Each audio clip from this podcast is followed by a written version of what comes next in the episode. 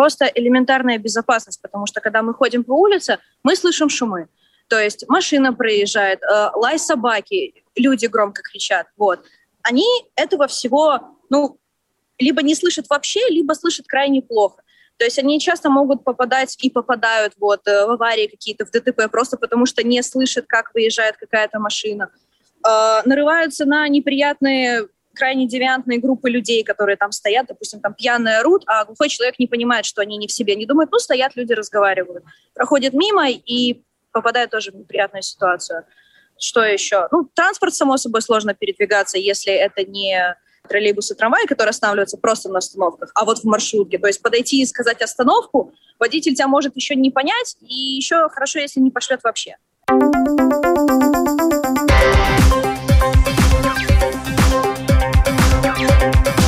Поколение Z. Здравствуйте, это программа «Поколение Z». С вами Марина Талапина и режиссер программы Даниэль Йоффа. И спасибо, что слушайте нас, подписывайтесь на нас, ставите нам лайки. И наши подкасты мы можем слушать, и вы можете слушать на э, всех платформах, включая Spotify, Google и Apple подкасты, также на нашем сайте LR4, ну а смотреть нас можно на YouTube.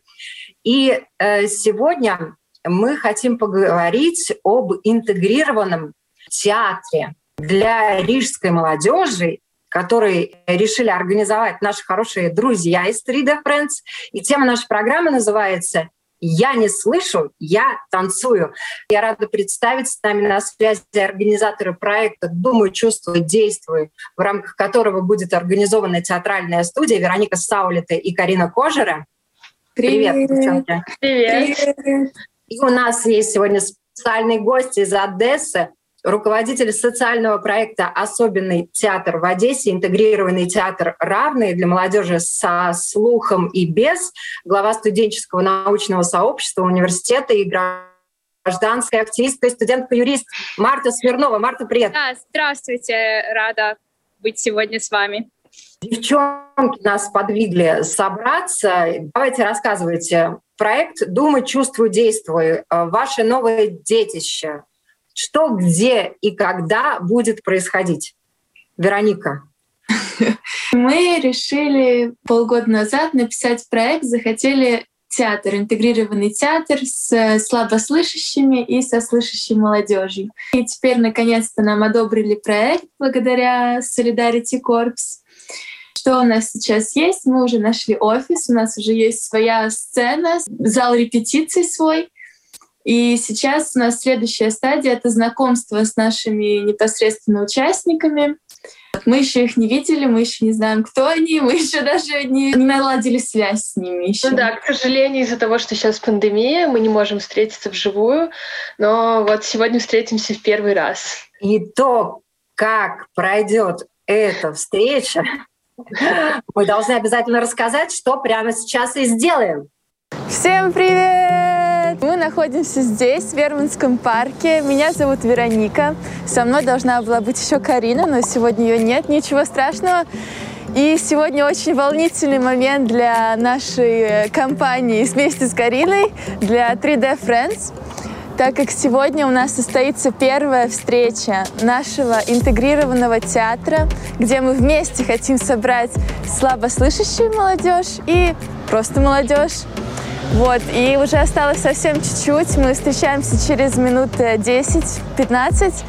И я наконец-то их встречу, посмотрим, как это все пройдет. Я не знаю язык жестов, но ничего страшного, я верю в себя, я верю в людей, которые придут. У нас еще будет сурдопереводчик, поэтому надеюсь, что все пройдет очень круто, и я очень-очень волнуюсь. Так, ну у нас было первое задание, называлось «Ниндзя» для того, чтобы поднять энергию нашей группы, чтобы вместе сплотить, мне кажется, оно, ну, такое интересное для того и для театра, и такие ниндзя, и энергия, и все сразу. Мне очень оно нравится, я всегда его люблю проводить на всех энерджайзерах, на всем. Вот, что думаешь, как получилось, не получилось? Ну, я сама люблю этого ниндзю. Мне кажется, что здесь, э, ну, довольно важный посыл звука, который есть. Но мне кажется, что в этой группе, даже когда ребята там некоторые не захотели э, этот звук давать, все равно было классно со временем. Может быть, сначала было тяжело понять вот это, там, первое, второе, третье последовательность. но это один из energizer ов, который ты понимаешь по ходу, ну вот делая. Mm-hmm. И мне кажется, что там уже на второй, третий, четвертый круг оно пошло, и там вообще какое-то веселье было, в чем и есть, наверное, смысл этого да. energizer а. Мне кажется, очень клево.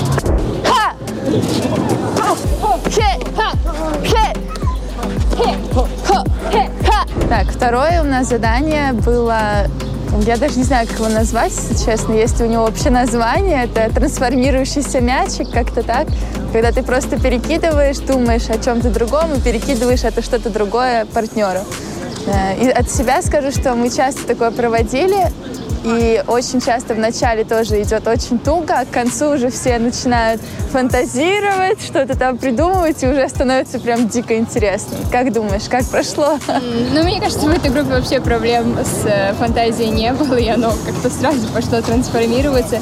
Мне очень понравились моменты взаимодействия Э, например, как э, кто-то начал писать письмо, передал его второму, там второй такой нет-нет скомкал, третьему, и то есть, ну, пошла какая-то история. Ну, вот ты сказала, что это импровизация, и мне кажется, помимо просто какого-то перекидывания, трансформации такого индивидуального, оно пошло в какое-то взаимодействие группы. И мне mm-hmm. кажется, это очень классный показатель, что, ну, вот дальше в группе можно будет, э, ну, как-то классно импровизировать вместе. Да, да, да. Круто. Мне тоже очень понравилось. Так, ну и третье, последнее наше задание, оно было вообще, мы обычно его делаем для тимбилдинга, чтобы как бы помогать друг другу одной рукой, все в равных обстоятельствах. И мы его часто делали тоже на всяких, ну, обменах, вот это все. Очень интересный момент, э, когда ты только взяла этот чемодан, его положила, это был такой, ну, такой магический момент, и такие, что там сейчас что ну, э, как это, знаешь, когда будет барабанная дробь должна быть. Это был очень классный момент, и как вся группа... И мне было сложно придумать третье задание такое, чтобы не было сложно и было весело, и вот мы решили, возьмем реквизит. Мы все-таки в театре, сходила за реквизитом, принесла все, что нашла такое более-менее ну да, но мне кажется, сначала было как-то слишком все легко сделали. Я ожидала, что будет сложнее, а все такие просто хоп-хоп-хоп уже собрали. Я такая, в смысле? Я думала, сейчас там начнут ковыряться, нельзя закрыть. Ну, в общем, да, как-то так интересно получилось. Что ты думаешь? Мне даже показалось, что было очень легко. Все, все сделано. Там даже пытались что-то закрыть. Вот. И да, сначала тоже показалось легкий, когда было вот это, что там второй и третий уровень, не прыгая на одной ноге, и, и все такие, ну, 10 секунд, будет 10 секунд. Такие, нет, не будет ограничения.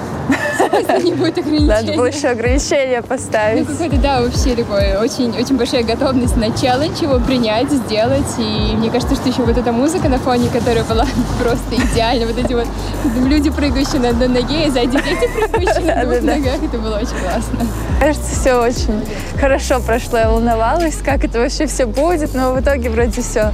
Все были довольны, и это главное. Мне кажется, с коммуникацией тоже не было проблем, потому что в какой-то момент, даже когда мы чемодан собирали, и не было инструкции не разговаривать, но при этом никто, ну, как бы не разговаривал между собой. То есть не было такого, что у кого-то было какое-то преимущество, там, вербализация, а у кого-то не было. Да, да, да. Все были очень на равных.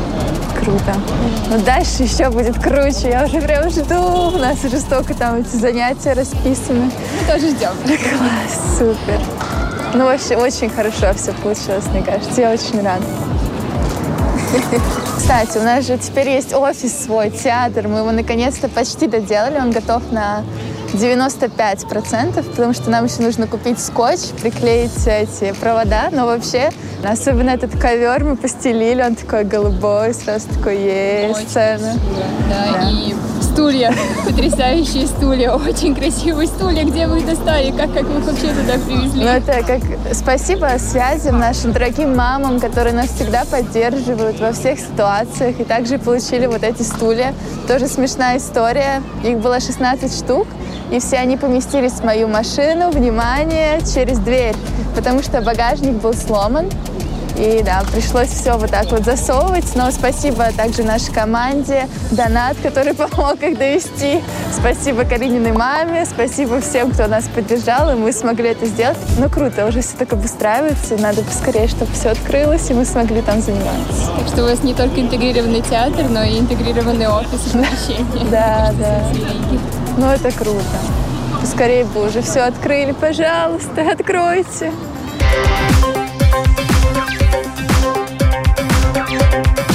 Поколение Z.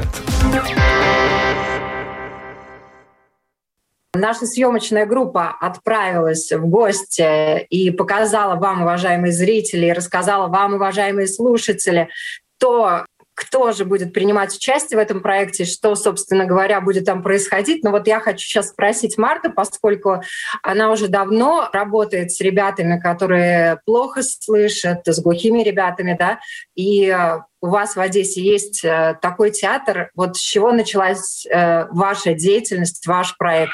Это не сколько театр как помещение, сколько театр как пространство, как, ну, как платформа для развития. Мы сейчас существуем как социальный проект, интегрированный театр равный, в котором участвуют волонтеры со слухом, молодежь, это студенты и школьники, и ученики э, ну, учебно-реабилитационного центра «Слышать сердцем», а это дети с нарушениями слуха, слабослышащие, а также неслышащие дети. Ну, как дети и подростки. И вместе они вот у нас с февраля месяца учились театральному искусству под менторством э, реальных э, актеров и режиссеров театральных. И сами самостоятельно поставили спектакль. Будет у нас премьера в театре на Чайной в Одессе. Будем показывать наш первый такой вот интегрированный спектакль. И кого вы пригласили, кто к вам придет? Это э, абсолютно будет как обычный спектакль. Мы его так и рекламировали, мы запускали и в соцсетях рекламу, и афиши расклеивали. В общем, мы ждем 100 человек, просто жители города, это семьи, это молодежь, это тоже социальные активисты, это просто люди, которые ходят в театр. В общем, это будет просто спектакль, на который придут э, зрители. Вот сама театральная труппа, она такая вот особенная у нас. Мы проводили в рамках нашего проекта курс жестового языка онлайновый, где мы в Zoom учили жесты, русский, украинский жестовый. В конце этого курса мы поставили маленький зум-спектакль на жестовом языке, который вот тоже можно посмотреть у нас на Фейсбуке, на страничке «Интегрованный театр Ривни». Марта, вот как вы с ребятами общаетесь? У нас, получается, есть в нашем проекте девочка э, Виктория Федорцова, и она переводчик жестового, но она не сколько сертифицированная, она просто знает жестовый, она не из семьи глухих, она просто вот в какой-то момент жизни решила, что хочет выучить свой язык и выучила его. И у нее много друзей появилось, э, неслышащих, слабослышащих, и вот она нам помогает очень сильно. Но, в принципе, я вам так скажу, что ну вот, э, общаться э, с людьми э, с, ну, с нарушениями слуха, в принципе, возможно, даже не знаешь этого языка, и потому что они, многие все очень хорошо читают по губам, это раз. И два, всегда можно найти общий язык просто какими-то базовыми жестами, общими вообще для всех людей, независимо от каких-либо у них нарушений слуха или, или нет. Первое занятие было очень сложно. Туго шла наша коммуникация, но потом и дети как бы к нам привыкли. В общем-то, и мы тоже уже не, не так, как говорится, стеснялись. Потому что я тоже, допустим, ну, наверное, вот с февраля месяца я начала учить жестовый язык, как вот именно целенаправленно. И я его не знаю. Вот э, сначала, вот как с любым языком, ты стесняешься говорить, стесняешься, э, что ты что-то не так скажешь, этого делать не надо. Вот мы, я стала больше общаться, и так я и лучше стала там показывать, допустим, и дактилировать быстрее. Вот. Извините, я тут просто бегу. Вот как раз я бежала сейчас с молодежного центра нашего, где мы разрисовывали декорации. Я бегу сейчас в центр, поэтому я на улице. Так. Да. Ну, это звуки Одессы, уважаемые слушатели. Я могу даже показать филармонию нашу одесскую. Я просто сейчас на одной из центральных улиц города, на Бунина. И вот наша Одесская филармония. Здорово, спасибо. Да. Девочки, Карина, Вероника, я хочу вас спросить. У вас был уже опыт общения с ребятами? Почему вы решили поработать э, со слабослышащими молодыми людьми? Ну, опыта как такового у нас особо не было. Мы только сделали, как наш проект подтвердили, мы сделали онлайн такое мероприятие, не знаю, как его правильно назвать, маленький перформанс. То есть мы подключили ребят, которые слабослышащие, ребят, которые обычно слышащие. Написали небольшой сценарий, так чтобы всем было удобно. У каждого там был доступ к своему зум-окошку, и каждый все делал по инструкции. И у нас получился такой небольшой э, видеоролик. Вот. И это был наш первый такой опыт. И нас тоже пугали изначально, что как это будет, как вы, вы же не знаете язык жестов, вам же будет сложно. Мы такие, ну да, но мы хотим попробовать, потому что они знают английский, мы можем переписываться, то есть всегда можно найти, главное желание. И с помощью языка английского мы переписывали, все все поняли, у нас все получилось. Вот так. И сколько продлилась ваша встреча? Кто на нее пришел? Кто эти ребята? Ну, мне кажется, достаточно долго, где-то, наверное, часа три, я точно не помню. А, пришли ребята, как и местные, кто были здесь из Латвии, так как э, и ребята были из других стран тоже, потому что мы работаем как на международную аудиторию. Все прошло хорошо. Немного неправильно говорить язык жестов, потому что язык жестов — это больше область невербальной коммуникации, э, допустим, закрытая, открытая поза, правильно говорить жестовый язык. Мы же не говорим язык Англии или язык Германии. Мы говорим английский и немецкий язык. Поэтому извините, что я такой это нюанс, которого, я думаю, очень многие не знают, поэтому спасибо большое, Марта, что ты нам это рассказала, ты нас просветила на эту тему. Вот хочется спросить, э, то, что касается людей, которые не знают жестового языка, но которые хотят общаться со слабослышащими, да? Какие самые такие первые преграды на пути и как их надо преодолевать? Ну, на самом деле, первая преграда — это э, мотивация, потому что многие говорят, типа, зачем мне учить жесты, он мне никогда не пригодится. Э, допустим, вот уже сегодня я пока добралась в центр города, своего района, я уже и в маршрутке э, встретилась с двумя неслышащими девушками, и в такси часто попадаются неслышащие водители на кассе в супермаркете. И просто из-за того, что вот у нас люди не знают жестового языка, они живут вот в своем микросообществе людей с инвалидностью и, получается, чувствуют себя изолированно от общества. А если мы начинаем с ними общаться, если мы показываем, что мы знаем хотя бы базово «спасибо», здравствуйте, я думаю, что все показывают, ну, типа «спасибо», там, я не знаю, мне очень сложно с одной рукой показать, там, «извините», там, какие-то такие, то они сразу же понимают, что с ними идут на контакт. Для меня это дорогого стоит, что человек чувствует себя в обществе как член общества, а не как изгой какой-то. Но так нам что, же всегда ну, вот... приятно, когда иностранцы, например, какие-то слова говорят по-русски. И это всегда располагает. Точно так же мы, когда приезжаем в страну, даже пускай мы там два-три слова знаем иностранных, но если мы их скажем людям, э, носителям этого языка, они тоже как правило, расплываются в улыбке и более расположены. Это действительно объединяет, это здорово. А, Еще э, хотела сказать по поводу того, с чего надо начинать. Начинать всегда надо с дактиля. Что такое дактиль? Дактильная азбука — это алфавит, э, ну, где на каждую букву есть жест. Допустим, там А, Б, В, Г, ну и так далее. И э, получается, даже если вы не знаете жесты на какие-то конкретные слова, если вы знаете дактиль, вы всегда найдете общий язык с человеком, который не слышит. Потому что вы сможете ему какое-то слово продактилировать по буквам, и он вам уже может э, потом подсказать, как правильно его сказать ну, жестом. Девочки, Вероника, Карина, я хочу спросить вас, кто будет работать э, с ребятами здесь, в Риге, в Латвии? Ну, мы будем сами работать, плюс у нас еще есть... Э, вот мы с Вероникой написали программу, мы засели и написали план на каждый урок. У нас есть ментор также, которая будет с нами работать. Также у нас еще есть те, кто будут нам помогать с переводом. То есть у нас такая небольшая группа. Одна из подцелей нашего проекта — это создать методологию работы со слабослышащей молодежью, и поэтому мы сами, это все будет для нас как эксперимент.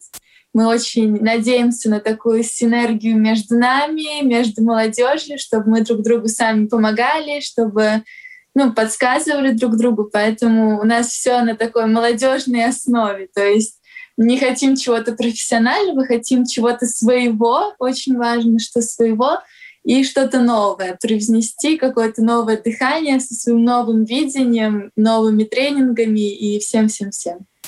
Но, в принципе, тема театр со слабослышащими, с глухими э, людьми — это не ново, да? Поэтому я думаю, что очень много опыта в этом э, вопросе уже накоплено. Но вот э, хочется узнать, вы перед этим где-то черпали информацию, что-то узнавали уже, как, куда, как лучше, что надо обязательно знать, чтобы, ну, как бы не изобретать заново велосипед. Да, ну вот у нас даже в Латвии, у нас есть в Риге театр со слабослышащими, но там он не инклюзивный, то есть там только слабослышащие, и там больше люди уже больше 30 лет, а мы хотим больше быть направлены именно на молодежь до 30 лет, чтобы вот создавать эту интеграцию. И да, конечно, мы узнавали, мы посещали, Вероника, допустим, была там, отправляла ссылки, как тренинги, еще что-то, то есть где-то как-то смотрели, как это все работает, как устроено, но да, тут получается так, что у нас мы сами не знаем этого языка, поэтому для нас это немножечко по-другому. Поэтому мы будем немножечко искать другие подходы, как это можно делать без знания языка, находить с ними общий язык.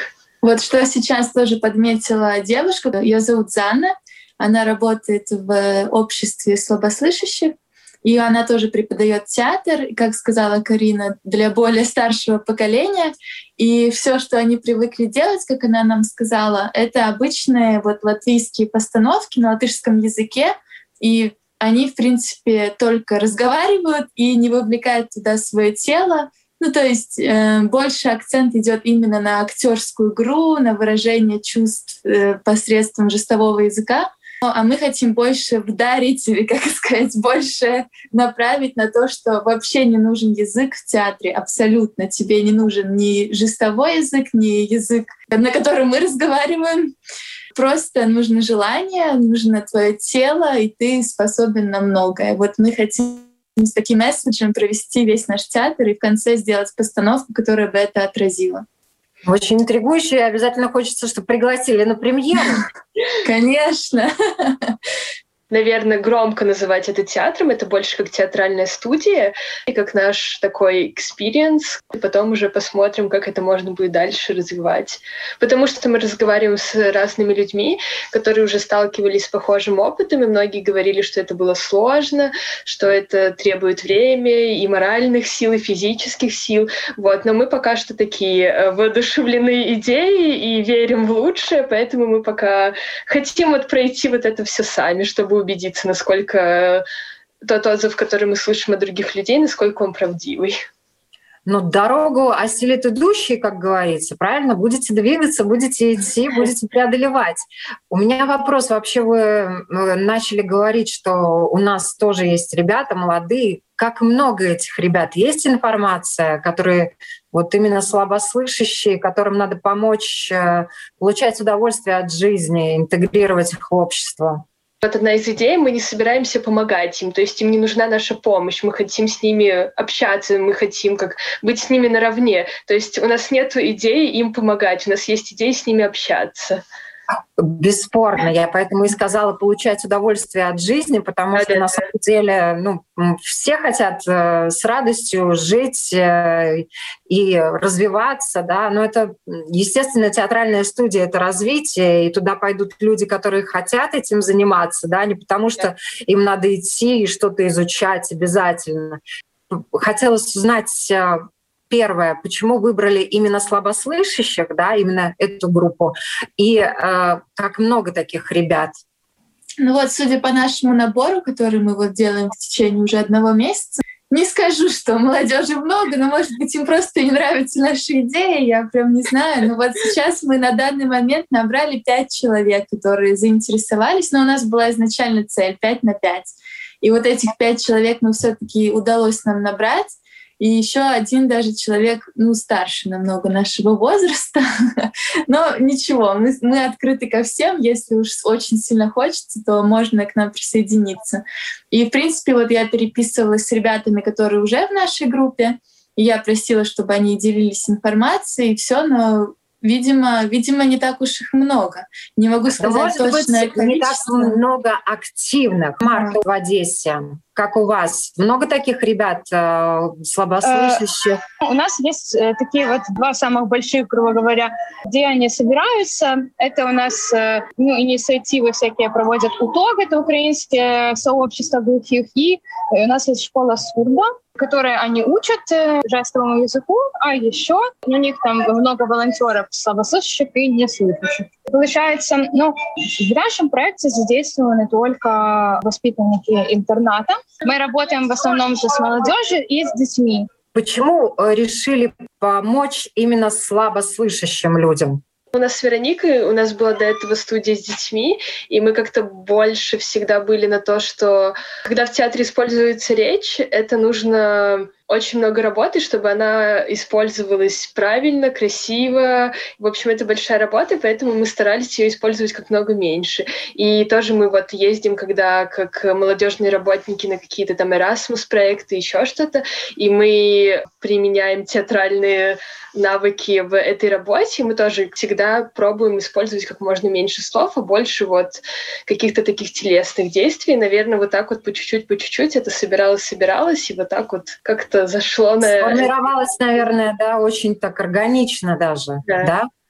Марта, а у вас как получилось так, что вы занялись этим? Я никогда не была не в э, театральных школах, нигде. Ну, типа, я училась и в художке, и в музыкалке, но в основном театр для меня был, я была как зритель всегда. Но так сложилось, что с 2015 года я начала заниматься с разными социальными проектами, общаться с разными людьми. И вот меня заинтересовала сама идея вот такого театра, вот как делают много где и в Британии, и там, в Европе. Вот это интегрированный театр, где на, на равных представления создают люди с инвалидностью и без инвалидности. И э, у нас в Украине такое тоже есть в разных городах. Но меня возмутило то, что в Одессе нет такого проекта. Я решила создать его сама.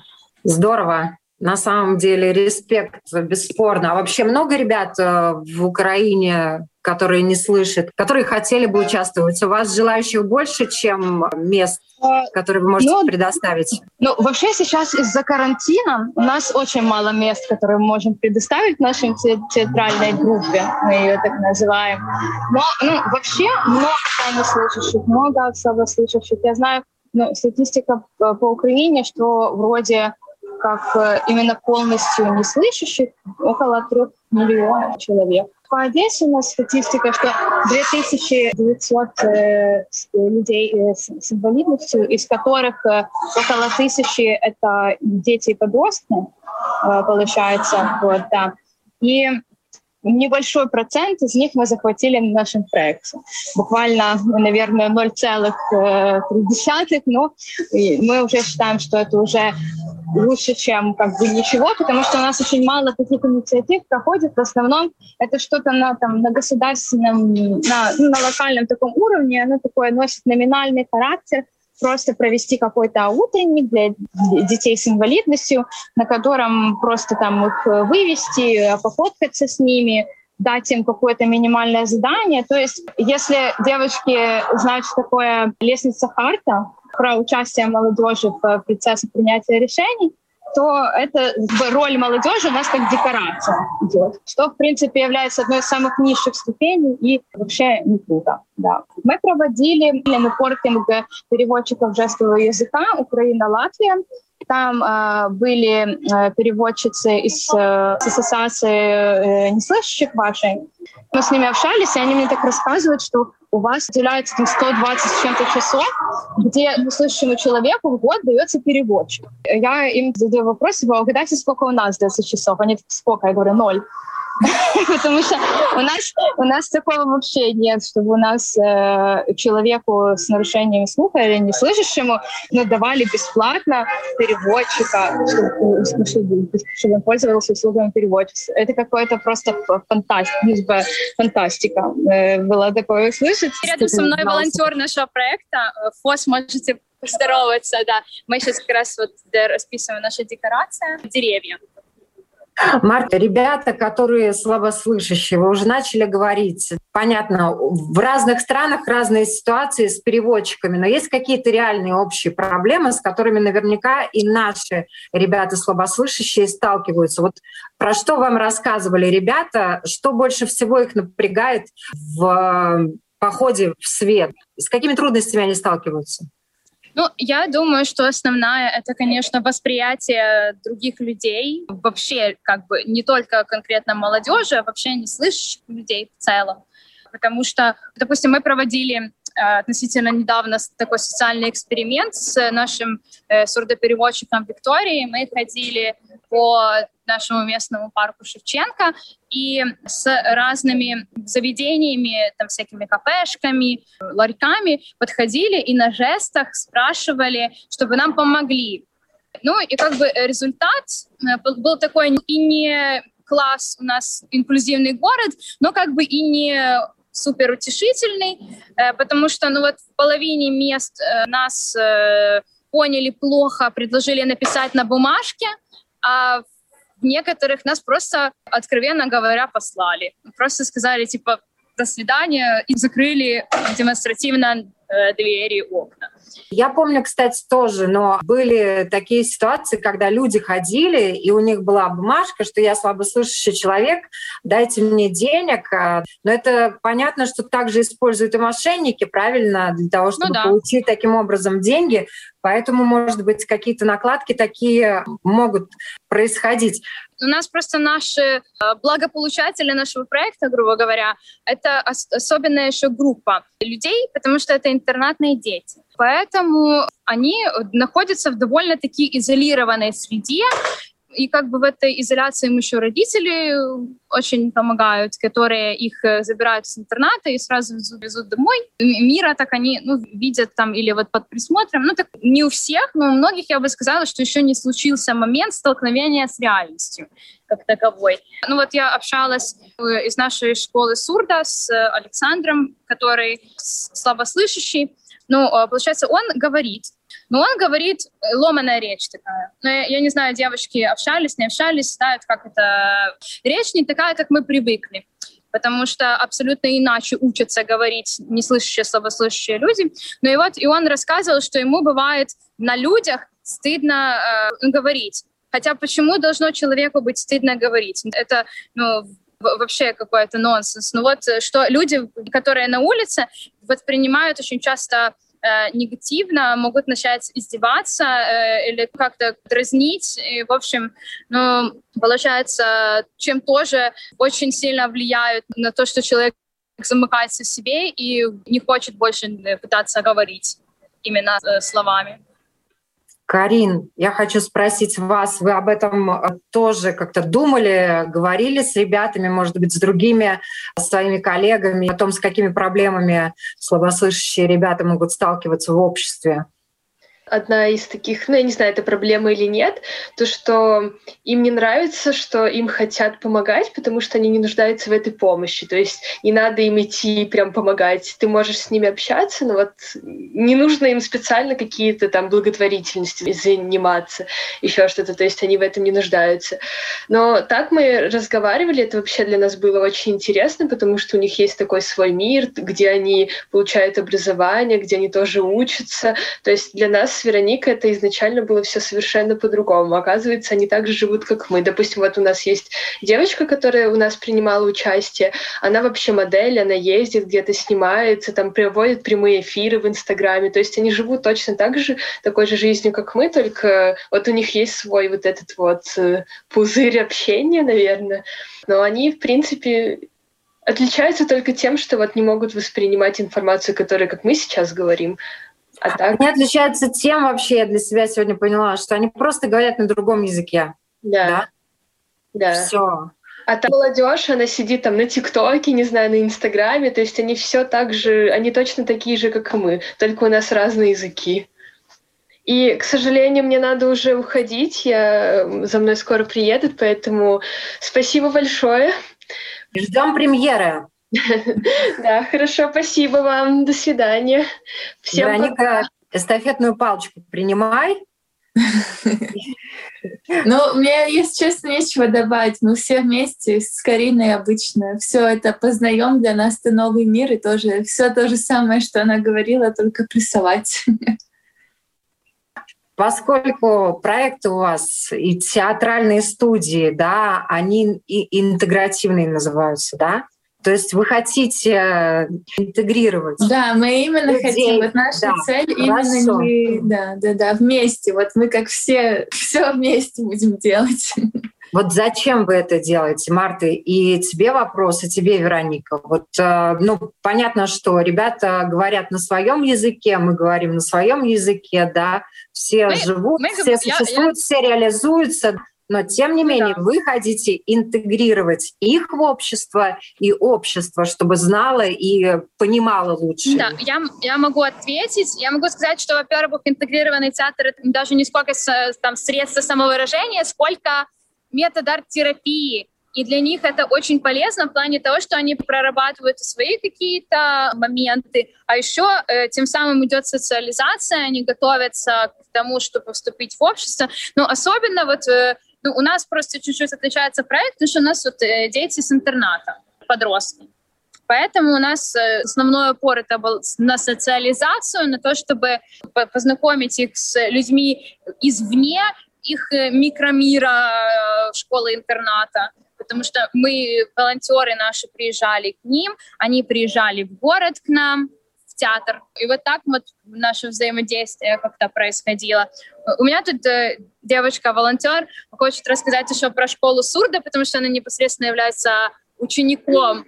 А, что, как девочку зовут? Да, зовут э, Фосфор, официально по паспорту. Да. Привет. Здравствуйте. Рассказывай.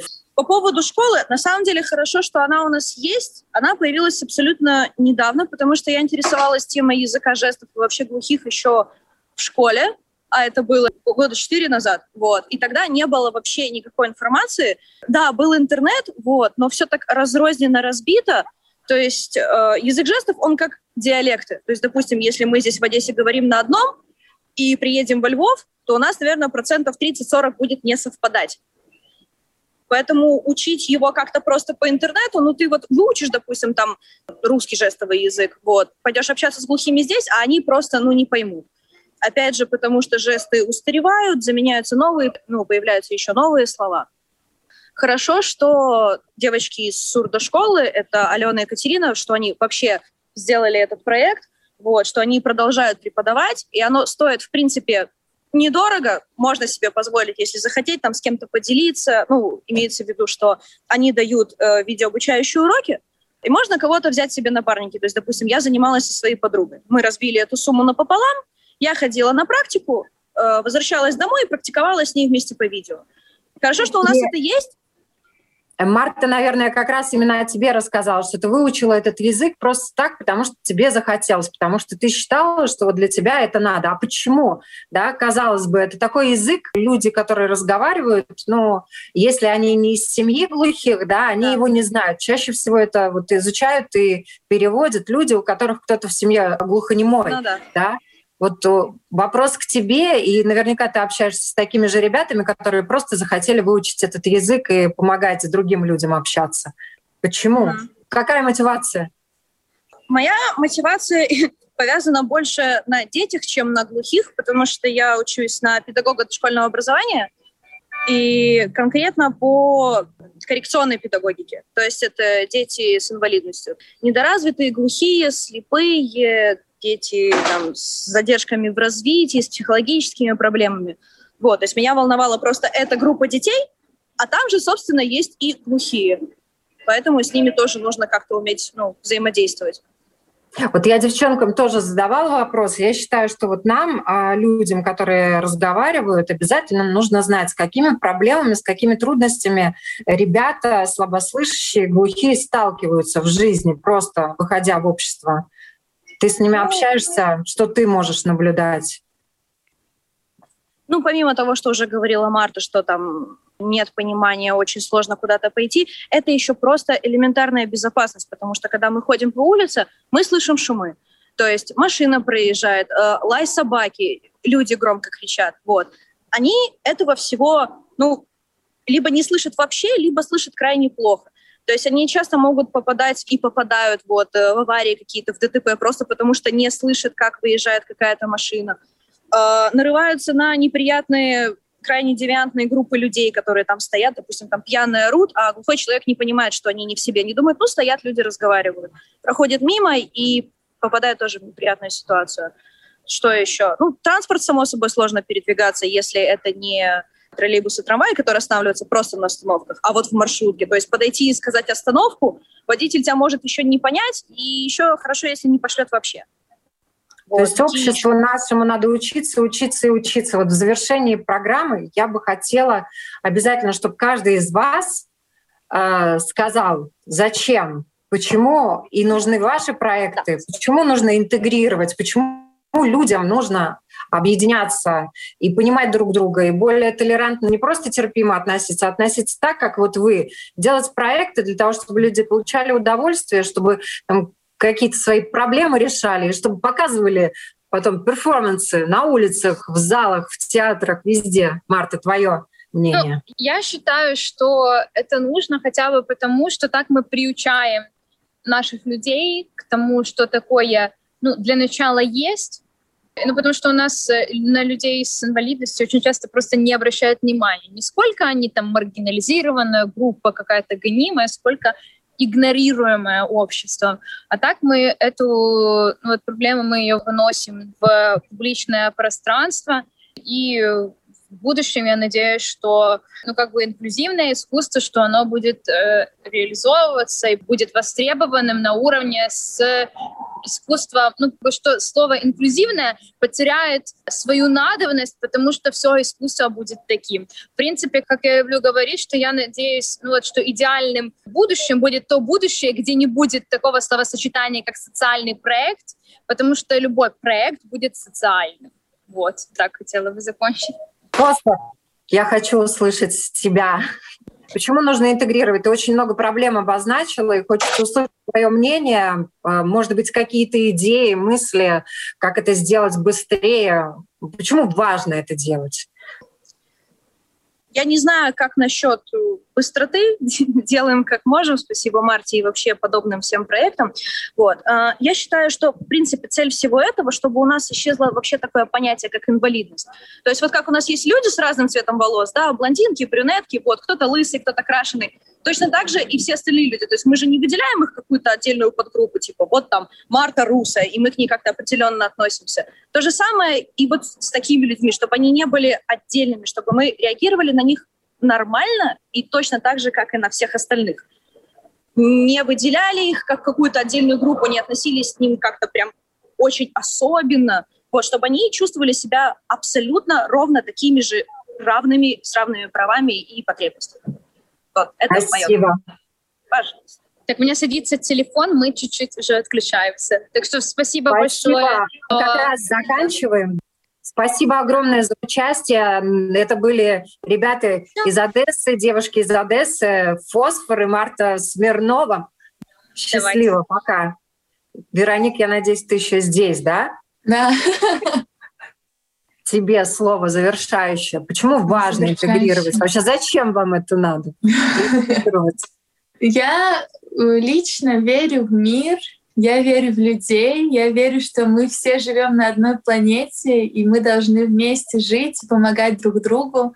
И такие проекты, и вообще любая помощь, она всегда важна. И помощь, интеграция, все вместе, это всегда все важно. Главное, чтобы это все делалось вместе и на благо нашего общего благосостояния и мирового, и планеты всей. Я вообще очень в этом плане, как сказать, любитель планеты и всех людей, кто живет на ней. Вот так вот. Спасибо большое. Это была Вероника Саулет, одна из организаторов, руководителей проекта и компании 3D Friends. Ну а проект э, «Думай, чувствуй, действуй». Я надеюсь, мы в недалеком будущем увидим результаты, постановку, которую вы со своими ребятами осуществите. Спасибо большое за эту программу. Всем хорошего дня. Я напоминаю, наши подкасты вы можете слушать и на всех платформах, включая Spotify, Google, Apple и другие э, платформы, и также на нашем сайте lr4.lv, ну и на YouTube, конечно, вы можете нас смотреть, поэтому кликайте, лайкайте, подключайтесь, подписывайтесь, пишите свои комментарии, критику тоже пишите, вопросы свои задавайте и присоединяйтесь. Если у вас есть темы, вы тоже их, пожалуйста, нам присылайте. Мы обязательно сделаем программы и по этим темам, которые вы предложите. Спасибо. С вами была Марина Талапина.